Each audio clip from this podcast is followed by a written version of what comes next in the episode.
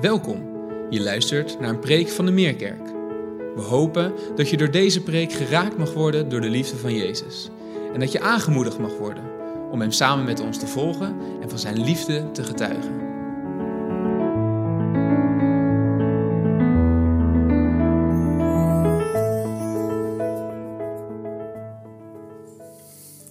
Goedemorgen. Fijn om bij jullie te zijn en al zoveel goede woorden gehoord te hebben. Onder andere het indrukwekkend verhaal van Ninka. Daar kan je al een hele tijd over nadenken. God spreekt daardoor. Ik wil met jullie de Bijbel openen. Het is al gezegd dat ik zal lezen uit Handelingen, het boek Handelingen.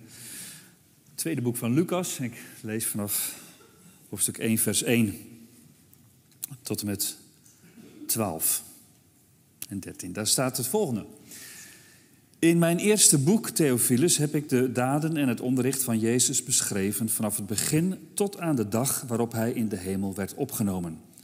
Nadat hij de apostelen, die hij door de Heilige Geest had uitgekozen, had gezegd wat hun opdracht was. Dat hij leefde heeft hij hun na zijn lijden en dood herhaaldelijk bewezen door gedurende veertig dagen in hun midden te verschijnen en met hen over het koninkrijk van God te spreken. En terwijl hij met een ad gaf hij hun deze opdracht. Ga niet weg uit Jeruzalem, maar blijf daar wachten op wat de Vader heeft beloofd, waarover jullie van mij hebben gehoord. Johannes doopte met water, maar binnenkort worden jullie gedoopt met de Heilige Geest. En zij die daar bijeen waren vroegen hem, Heer, gaat u dan binnen afzienbare tijd het koningschap over Israël herstellen? En hij antwoordde, het is niet aan jullie om te weten wat de Vader in zijn macht heeft vastgesteld over de tijd en het ogenblik waarop deze gebeurtenissen zullen plaatsvinden. Maar wanneer de Heilige Geest over jullie komt, zullen jullie kracht ontvangen om mijn getuige te zijn in Jeruzalem en heel Judea en Samaria tot aan de uiteinden van de aarde. En toen hij dit gezegd had, werd hij voor hun ogen omhoog geheven en opgenomen in de wolk, zodat ze hem niet meer zagen. En terwijl hij zo van hem wegging en ze nog steeds naar de hemel staarden, stonden er opeens twee mannen in witte gewaden bij hen. En ze zeiden, Galileërs, wat staan jullie nou naar de hemel te kijken? Deze Jezus, die uit jullie midden in de hemel is opgenomen, zal op dezelfde wijze terugkomen als jullie hem naar de hemel hebben zien gaan. En daarop keerden de apostelen van de Olijfberg terug naar Jeruzalem. Deze berg ligt vlak bij de stad op een sabbatsreis afstand. En toen ze in de stad waren aangekomen, gingen ze naar het bovenvertrek waar ze verblijf hielden. Waren Petrus en Johannes, Jacobus en Andreas, Filippus en Thomas, Bartholomeus en Matthäus, Jacobus de zoon van Alfeus en Simon de Zeloot en Judas de zoon van Jacobus. Eensgezind wijden ze zich aan het gebed, samen met de vrouwen en met Maria, de moeder van Jezus, en met zijn broers. Tot zover. De kerntekst van Handelingen, en ook van dit hoofdstuk dus, is vers 8. Maar wanneer de Heilige Geest over jullie komt, zullen jullie kracht ontvangen om mijn getuige te zijn in Jeruzalem, in heel Judea en Samaria, tot aan de uiteinden van de aarde. En heel het boek Handelingen is een gevolg, zou je kunnen zeggen, van deze belofte van de Heer Jezus. Sterker nog, de hele kerkgeschiedenis is een gevolg van deze belofte. Het feit dat jij hier nu zit vanochtend heeft te maken met dat Jezus dat beloofde en dat het met Pinksteren realiteit is geworden. En deze tekst die ook nu achter me staat, is goed om dat even te bezinnen. En wat ik altijd heel erg spannend vind, en het was heel fijn dat Patrick daarvoor voor bad, dat ook de woorden die ik spreek de woorden van God zijn. Maar dat is wel eens spannend, want dat is nogal niet niks, zeg maar, die opdracht en dat verlangen. Eh, je kan als voorganger, als spreker van alles zeggen en bedenken. Je kan een hele mooie preek houden zonder God daarbij te betrekken. Dat is mogelijk. Want voldoende ervaring en dan weet je hoe het allemaal precies werkt en speelt. En mijn verlangen is altijd dat God is. Dat God het is die spreekt. En God spreekt door zijn geest, maar ook door zijn woord. Dus ik wil voorstellen om eens naar deze tekst te kijken. Even stil te zijn met elkaar. Het te lezen en jezelf de vraag stellen. Wat zegt God in deze tekst? Wat zegt God tot mij? Ik ga even mijn mond houden. We gaan deze tekst lezen en laten ons daarop bezinnen.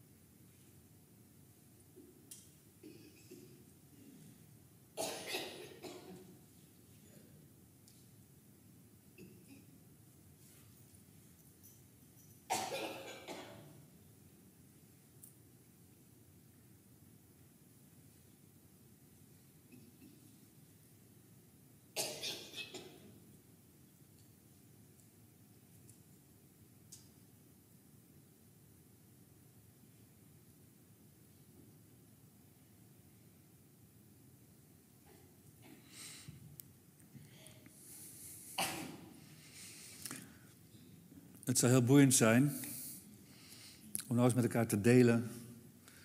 Wat heb je gelezen? Wat heeft God gezegd? Om er vervolgens achter te komen hoe rijk deze woorden zijn. Wanneer de kracht van de geest over jullie komt, jullie kracht ontvangen en van mij getuigen. Volgende week vieren we Pinksteren. Het moment waarop de Heilige Geest daadwerkelijk uitgestort werd over al wat leeft, zoals de profeet Joël profeteerde. Een levens- en wereldveranderende gebeurtenis.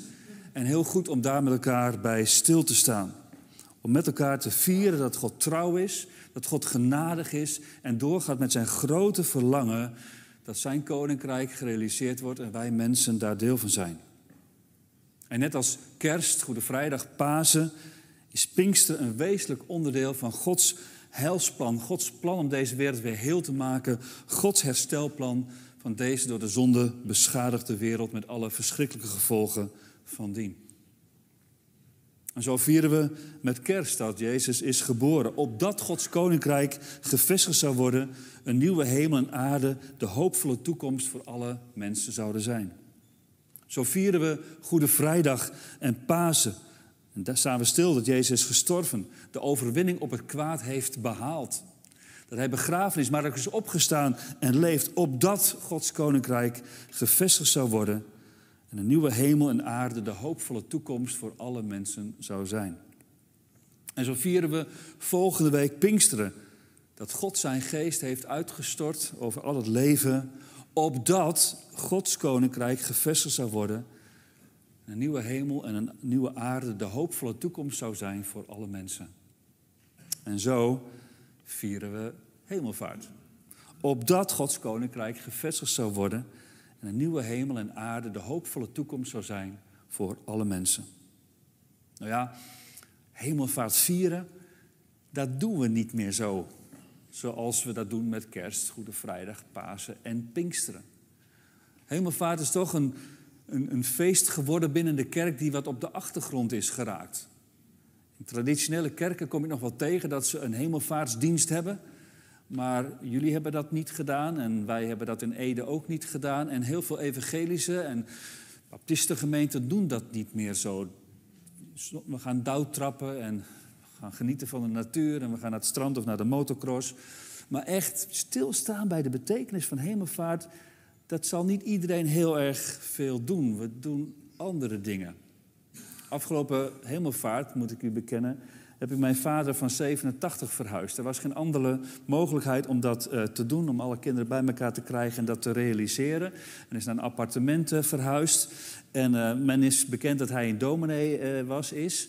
En toen zeiden ze tegen mij, ja, tegen iemand zei tegen mij van ja, toch wel apart dat die dominee op hemelvaart gaat verhuizen. Dus ik met een doos in mijn hand, ik zei, ja, het is toch wat, hè? ja.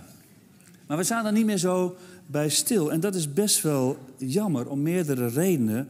Want het is net zo'n wezenlijk onderdeel van Gods herstelplan, van Gods heilplan, als de andere feestdagen die we vaak heel uitgebreid met elkaar vieren. Want doordat Jezus, Gods zoon, terugging naar God de Vader, kon hij God de Heilige Geest zenden om niet alleen bij ons te zijn, maar ook in ons te wonen. Jezus zegt in Johannes, het is zelfs beter dat ik wegga, dat ik heen ga naar de Vader, want dan kan ik de trooster, de pleitbezorger sturen, die voor altijd bij jullie zal zijn en in jullie zal wonen. Ik zag een hele mooie, mooie eh, eh, tweet op Twitter, die zei, hemelvaart is eh, de dag waarop Jezus vanuit huis ging werken. En hij zond zijn geest om dat werk te volbrengen. En ik denk dat het wel jammer is dat we wat minder stilstaan bij hemelvaart, omdat de inhoud, de betekenis, wat daar gezegd is en gedaan is, wat daar gebeurt, ook zeg maar het kader geeft van Pinksteren, hoe we met elkaar Pinksteren goed kunnen vieren. Dat doen we met andere dagen ook. Dan bereiden we ons echt dan op voor en dan, dan werken we daar naartoe. Bijvoorbeeld met kerst hebben we vier adventszondagen ingesteld. En vier zondagen staan we stil bij de komst van de koning. En de komst die ook nog een keer zal komen uh, bij zijn wederkomst. Maar dan, dan staan we stil bij woorden uit bijvoorbeeld uit Jezaja, dat hij de, de eeuwige uh, God is. uh, vredevorst, almachtige God, sterke God, dat hij komt. Prachtig advent spreken, zodat we er klaar voor zijn om hem te ontvangen. En zingen we ook heel graag, hoe zal ik u ontvangen, hoe wilt gij zijn ontmoet, der werelds hoogst verlangen, des harten heiligst goed. Dat zingen we vooral met advent, toewerken naar kerst. Dat God in Jezus onder ons kwam wonen. Maar datzelfde lied zou je ook best wel kunnen zingen in voorbereiding naar Pinksteren toe. Hoe zal ik u ontvangen? Hoe wilt gij zijn ontmoet? Want als je even dat vers, dat oude kerkelijke vers verder leest, dan kom je tegen bijvoorbeeld de zin: Klag machteloos gebonden, God komt en maakt mij vrij. Ik was bevlekt met zonden, gij komt en reinigt mij. Dat is het werk van de Heilige Geest. En dat maakt dat we aan het begin van de dienst konden zingen met elkaar: God maakt vrij door de Heilige Geest. Wie verwachten wij met Pinksteren? Wie of wat verwachten wij met Pinksteren? Ik dacht dat het goed is om op deze zondag, die ook wel genoemd wordt de Wezenzondag, misschien dat was gehoord, de Wezenzondag. Jezus is vertrokken en de Heilige Geest is nog niet gekomen. Daartussenin is dan deze zondag, Wezenzondag. Om stil te staan bij wat we verwachten om Hem, de Heilige Geest, ook goed te kunnen ontvangen. En ik dacht, ik ga heel kort nog neerzetten wie is de Heilige Geest en wat is zijn rol bij de wedergeboorte, het nieuwe leven wat Hij geeft, bij de verandering in ons en bij het getuigen. Hij tot kracht ontvangen en mijn getuigen zijn. Wie is de Heilige Geest? En sommige mensen die de Alpha-cursus gevolgd hebben, wie? Oké, die zullen het een en ander herkennen. Ik had een, eh, een interview uh, voor de plaatselijke radio in, in Ede. Uh, waar kerken dan invulling mogen geven aan een programma. en ze hadden het verlangen om te spreken over Pinksteren. Want er was volgens hen aan de ene kant heel weinig aandacht voor in, in, in, in sommige kerken. En aan de andere kant te veel aandacht in hun beleving in kerk. En hoe zat dat nou precies? En de eerste vraag die mij gesteld was: wat is nou de Heilige Geest? Wat is nou de Heilige Geest? Ik snap dat wat wel, want het is best wel ingewikkeld. Hoe zit dat met die Heilige Geest? Maar mijn eerste reactie was: nou, misschien dat een betere vraag is: wie is de Heilige Geest? Want de Heilige Geest is God. Net zoals God de Vader God is. En God de Zoon God is. En is ook God de Heilige Geest God. Van hetzelfde wezen. Alle drie volledig God. En ze zijn één. Het is een drie-eenheid: Vader, Zoon en Geest. En daarmee is de geest ook een persoon, een persoonlijkheid.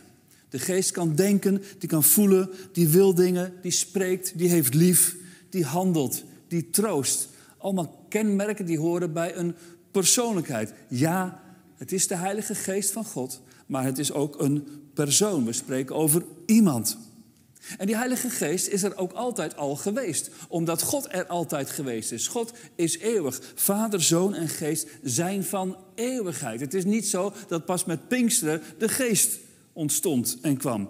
De Geest is er altijd al geweest. De Geest Gods zweefde over de wateren, lezen we al in Genesis 1. En het is de Geest van God die leven bracht, waardoor Adam mens werd, tot leven kwam. In het Oude Testament zien we dat Gods geest ook aan het werk is. Maar, en dat heb je dan bij de Alpha-cursus kunnen lezen, altijd op bepaalde momenten bij bepaalde mensen voor bepaalde taken.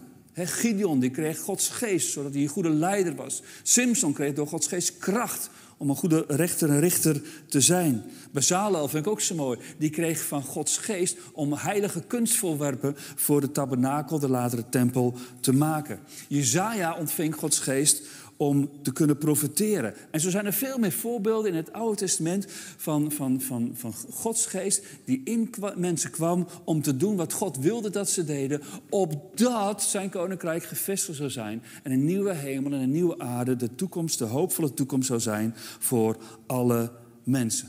Maar steeds was op bepaalde momenten, bepaalde taken, bepaalde mensen. Maar ook was al die belofte. Door Joël met Gods geest vervuld, die sprak dat, hij, dat God de geest zal zenden en uitstorten op alle vlees. De Heilige Geest is God, is een persoon die werkt in deze wereld, in ons leven. In Johannes 16, vers 8 wordt gezegd: Hij zal de wereld overtuigen van zonde, van gerechtigheid en van oordeel. God geeft dat verlangen. Dat vond ik ook zo mooi wat, wat, wat Ninka vertelde. Dat hè, Wiglat vertelt van dat, dat, dat je ook mag vragen of God het verlangen in jou om, om meer met hem op te trekken, te bidden en Bijbel te lezen, of hij dat wil geven. En ze sprak, ze bad daar, daarvoor gebeden in de auto hierboven. En God heeft het haar gegeven. Dat is de geest die dat dan doet. Op het moment dat je Jezus Christus erkent als Gods zoon, die kwam naar deze wereld om voor jouw zonde te sterven en jou zo te verzoenen met God de Vader, wordt die zonde weggedaan, word je daarvan gereinigd en ontvang je Gods geest. En wie dat gelooft, zegt Johannes, die heeft het voorrecht gekregen om kinderen van Hem te worden. En doordat je die geest ontvangt, mag je God zelfs Abba, het papa, vader noemen. Je wordt deel van zijn huisgezin, je wordt deel van zijn volk, je wordt deel van zijn koninkrijk. Je hebt een hoopvolle toekomst. En met Pinksteren vieren we de komst van die geest, van Gods geest, die maakt dat je een kind van God kunt worden. En mooi dat jullie morgen, volgende week het feest van genade vieren met Pinkster, met Pinksteren. God verandert je. En als we Pinksteren vieren, vieren we dat Hij gekomen is om ervoor te zorgen dat jij een kind van God zou zijn. Ezekiel, die, profeet Ezekiel, die zegt het ook al honderden jaren voordat het daadwerkelijk gebeurde.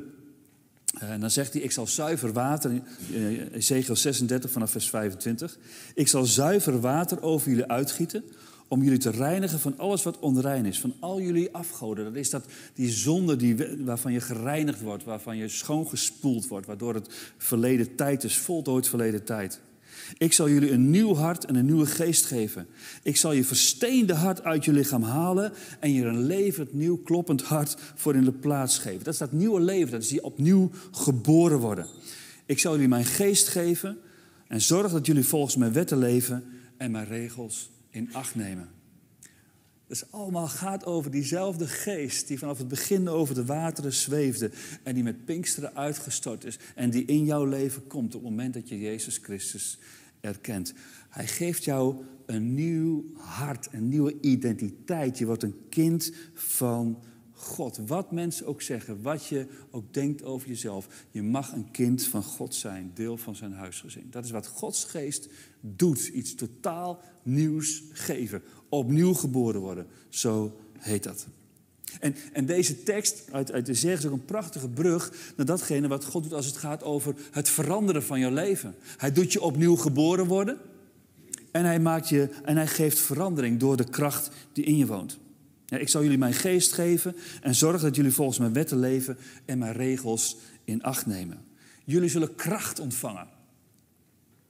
Ongetwijfeld is hier wel eens verteld dat het woord kracht het woordje dynamisch is, waar wij het woord dynamiet ook van hebben afgegeven. Nou, dat is een behoorlijk veranderende kracht. Heel vaak destructief, maar het heeft hier alles te maken met dat het van binnenuit jouw leven op zijn kop zit, verandert en maakt en jou maakt tot een man, de vrouw, zoals God je hebben wil. Ondanks je grenzen die je hebt, ondanks je verdriet, je schuldgevoel, je schaamte, je beperking, je geschiedenis, je mogelijkheden en onmogelijkheden. God wil jou van binnenuit veranderen.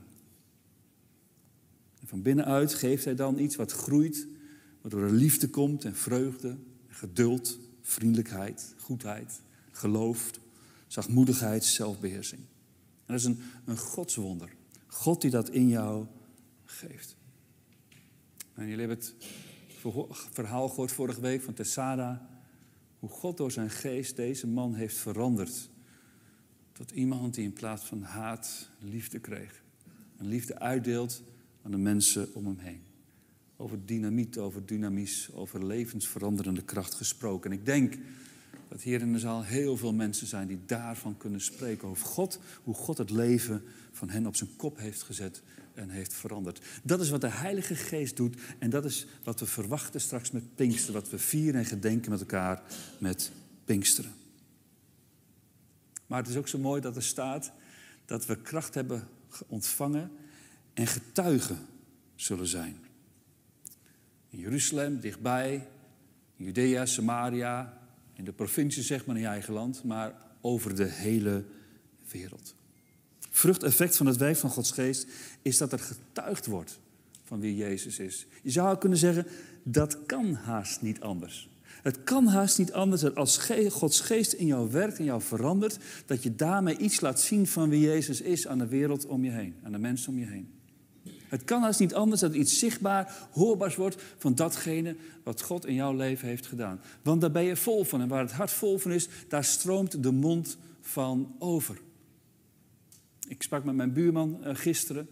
En die, het is niet een geweldige buurman, geloof niks. Maar hij was naar Barcelona geweest, naar Max Verstappen, Formule 1 met zijn kinderen. En ik had hem al een poosje niet gezien. Ik zei, hoe gaat het? Nou, zegt hij, ik ben naar Barcelona geweest. Een heel groot, prachtig verhaal. En hij hield er maar niet over op, op te spreken. Fantastisch. Max Verstappen natuurlijk hartstikke leuk, maar hij vertelde erover. Hij was er helemaal vol van. Hoe vol zijn wij van datgene wat Jezus heeft gedaan in ons leven? Van die veranderende werking, waardoor je kind van God mag zijn. God heeft het verlangen dat wij dat doen. Dat we daarmee bezig zijn. Omdat daardoor zijn plan vorm krijgt. God gebruikt jou en mij. God gebruikt ons als, als gemeente. Maar ook jij op je werkplek, thuis, op school of waar je ook bent. Wil hij jou gebruiken opdat dat koninkrijk gebouwd wordt. En mensen ontdekken dat er een hoopvolle toekomst is door genade alleen. En dan kun je indrukwekkende verhalen horen van die Tessada, van Nika. En ik was afgelopen week was ik op Cyprus in verband met een, uh, internationale leidersvergadering van, uh, van Operatie Mobilisatie. Ik ben voorzitter van, van, van hier in, in, Nederland en daar mag ik altijd naartoe. En dat vind ik zo geweldig, omdat ik daar zo prachtige verhalen hoor over wat God doet in deze wereld. En het helpt mij om bepaald te worden waar het ten diepste om gaat. En het prikkelt mij ook omdat het mij laat zien, hey, in hoeverre getuig ik en wil ik getuigen van datgene wat God doet in mijn leven. Niet vanzelfsprekend omdat ik nu eenmaal voorganger ben, maar gewoon tegenover die buurman die zo vol is van de Grand Prix in Barcelona. Tegenover de mensen om me heen. In hoeverre laat ik zien in mijn leven dat Jezus mijn leven heeft veranderd en dat er alleen in Hem hoop is. En ik hoorde prachtige verhalen. En ik vermoed dat jullie ook wel eens zo verhalen horen van wat God doet in de wereld, omdat Joop Strietman hier ook wel eens spreekt.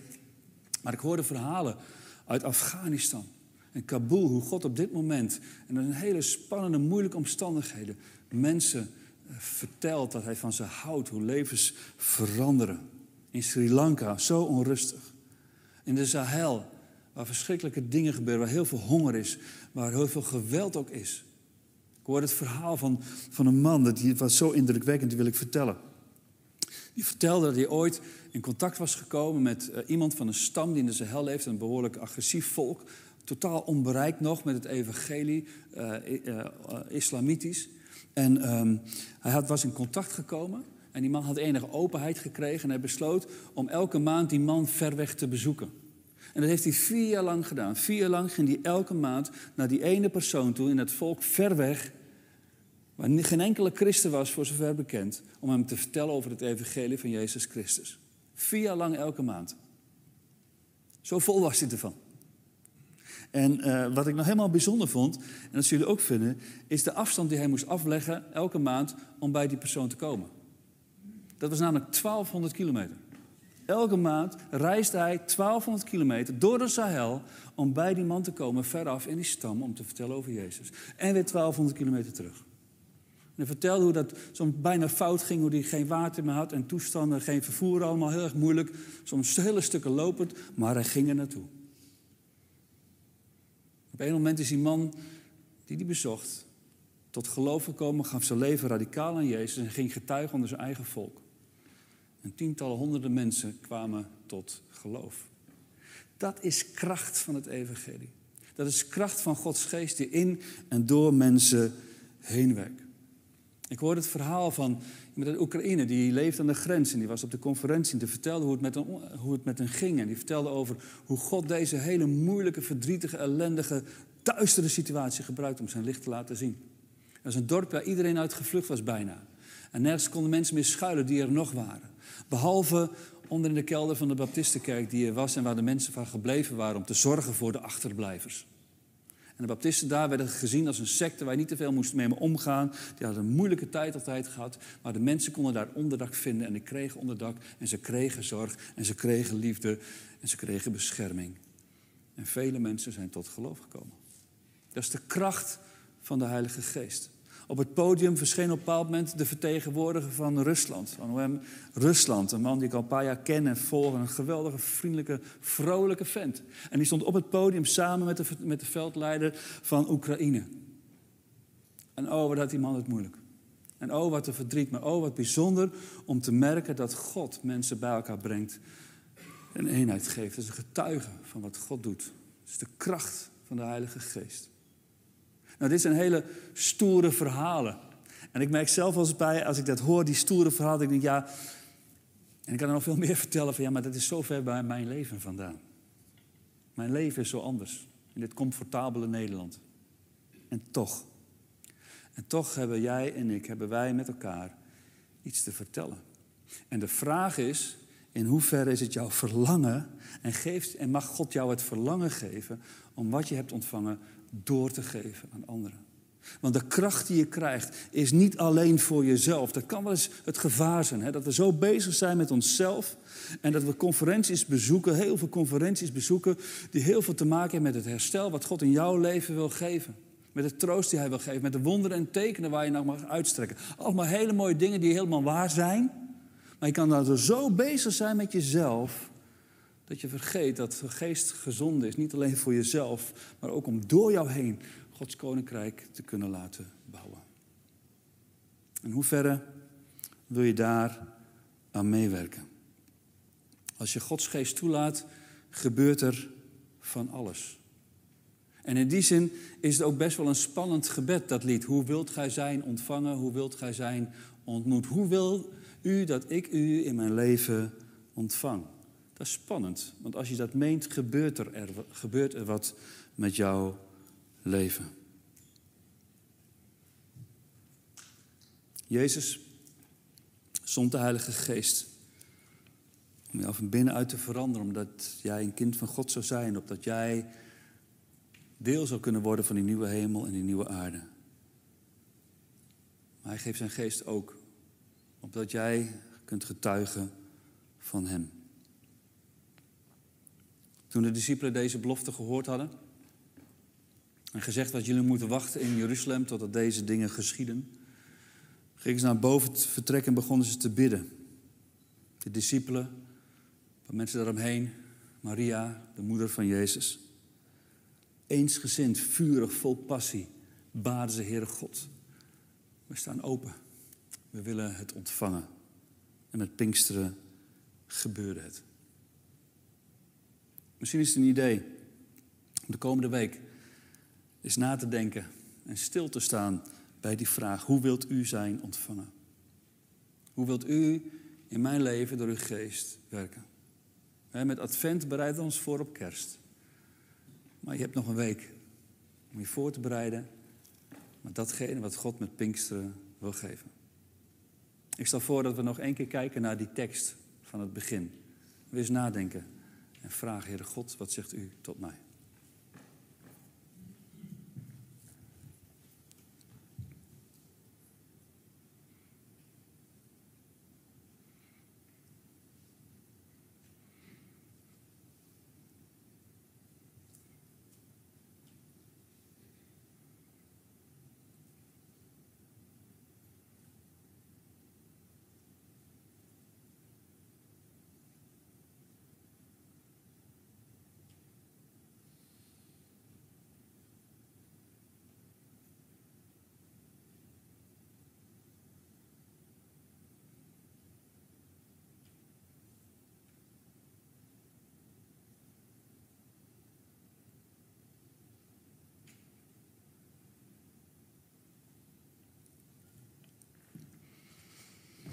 De muziekgroep vragen vast naar voren te komen.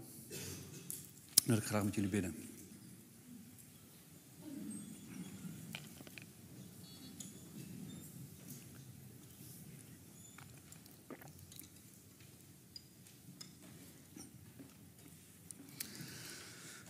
Almachtige God, liefdevolle Vader. Dank u wel voor uw woord. Dank u wel, Heer, voor de geschiedenis die we mochten lezen over de hemelvaart van uw zoon. Heer Jezus, dank u wel voor die geweldige belofte die u deed aan de discipelen en die, die u doet aan ons. Dat de Heilige Geest zal komen, kracht zal geven en ons zal laten getuigen. En dank u wel, Heer, dat we die kracht in ons leven mogen ervaren. Omdat diezelfde geest van toen de geest is die nu nog volop werkt in deze wereld. Heer, en ik wil u danken voor datgene wat u reeds gedaan heeft in de levens van mensen zoals ze hier zitten en in mijn leven. Ik wil u danken, Heer, dat we door genade, door geloof, u Abba Vader mogen noemen. Dat het uw geest is in ons die ons overtuigt dat we kinderen van u zijn en dus doet zeggen Abba Vader. Dank u wel, Heer, voor de verandering die u in ons leven geeft door een nieuw hart, een nieuwe identiteit te geven. Dank u wel, Heer, dat u door uw geest ons denken verandert. Ons helpt om dingen te laten en andere dingen te doen. Dank u wel dat het uw geest is die, zoals Ezekiel zegt, zeg maar, het verlangen geeft om, om te doen wat u van ons vraagt. Niet omdat het moet, maar ja, omdat het van binnenuit naar boven borrelt. Heer, we moeten eerlijk zijn en zeggen dat het niet altijd zo in ons leven werkt en dat we dat zo doen. We zijn zo vaak druk met zoveel andere zaken die we belangrijker vinden of die ons afleiden. We willen bidden, Heer God, dat als we toewerken nu naar Pinksteren toe, deze week, daarbij stilstaan, Heer, dat we misschien voor het eerst, of in elk geval heel bewust, onszelf de vraag stellen: hoe wilt u dat we u ontvangen in ons leven? En ik weet ook dat dat een heel spannend gebed is, omdat het te maken heeft met overgave. En als we onszelf aan u geven, dat u ook zegt: oké, dan ga ik ook met jou aan de slag, omdat ik zoveel van je hou. En dat kan betekenen dat we dingen gewezen worden die echt anders moeten. Dat kan betekenen, Heer, dat we getroost en bemoedigd worden. Dat we genezing, herstel ontvangen aan lichaam, ziel en geest. Heer, en u geeft het ons allemaal. Omdat u van ons houdt. Omdat u door ons heen uw koninkrijk wilt bouwen. Heer, we bidden dat Pinkster een feest zal zijn, een feest van genade. Hier in de gemeente en op zoveel plekken waar mensen samenkomen. Maar vooral ook in ons eigen leven, in ons eigen hart. Het kan best zijn dat we al jarenlang naar de kerk gaan. En denken zoals we hoorden in het verhaal van Inka. Het is oké toch zo? Terwijl u veel meer wil geven. En naar dat meer willen we verlangen. Omdat we vervuld willen worden met de Heilige Geest. Steeds opnieuw en opnieuw. Omdat daarin het echte leven zit. En daarom willen we u aanbidden. We willen ons hart voor u openstellen als we liederen zingen. En bidden we, Heer, dat u door uw geest ons hart raakt. Opdat we waarheid zien. In waarheid leven. Een waarheid die vrij maakt. Een waarheid die toekomst heeft. Dank u wel daarvoor. In Jezus' naam. Amen. Fijn dat je hebt geluisterd. Voor meer informatie ga naar www.meerkerk.nl.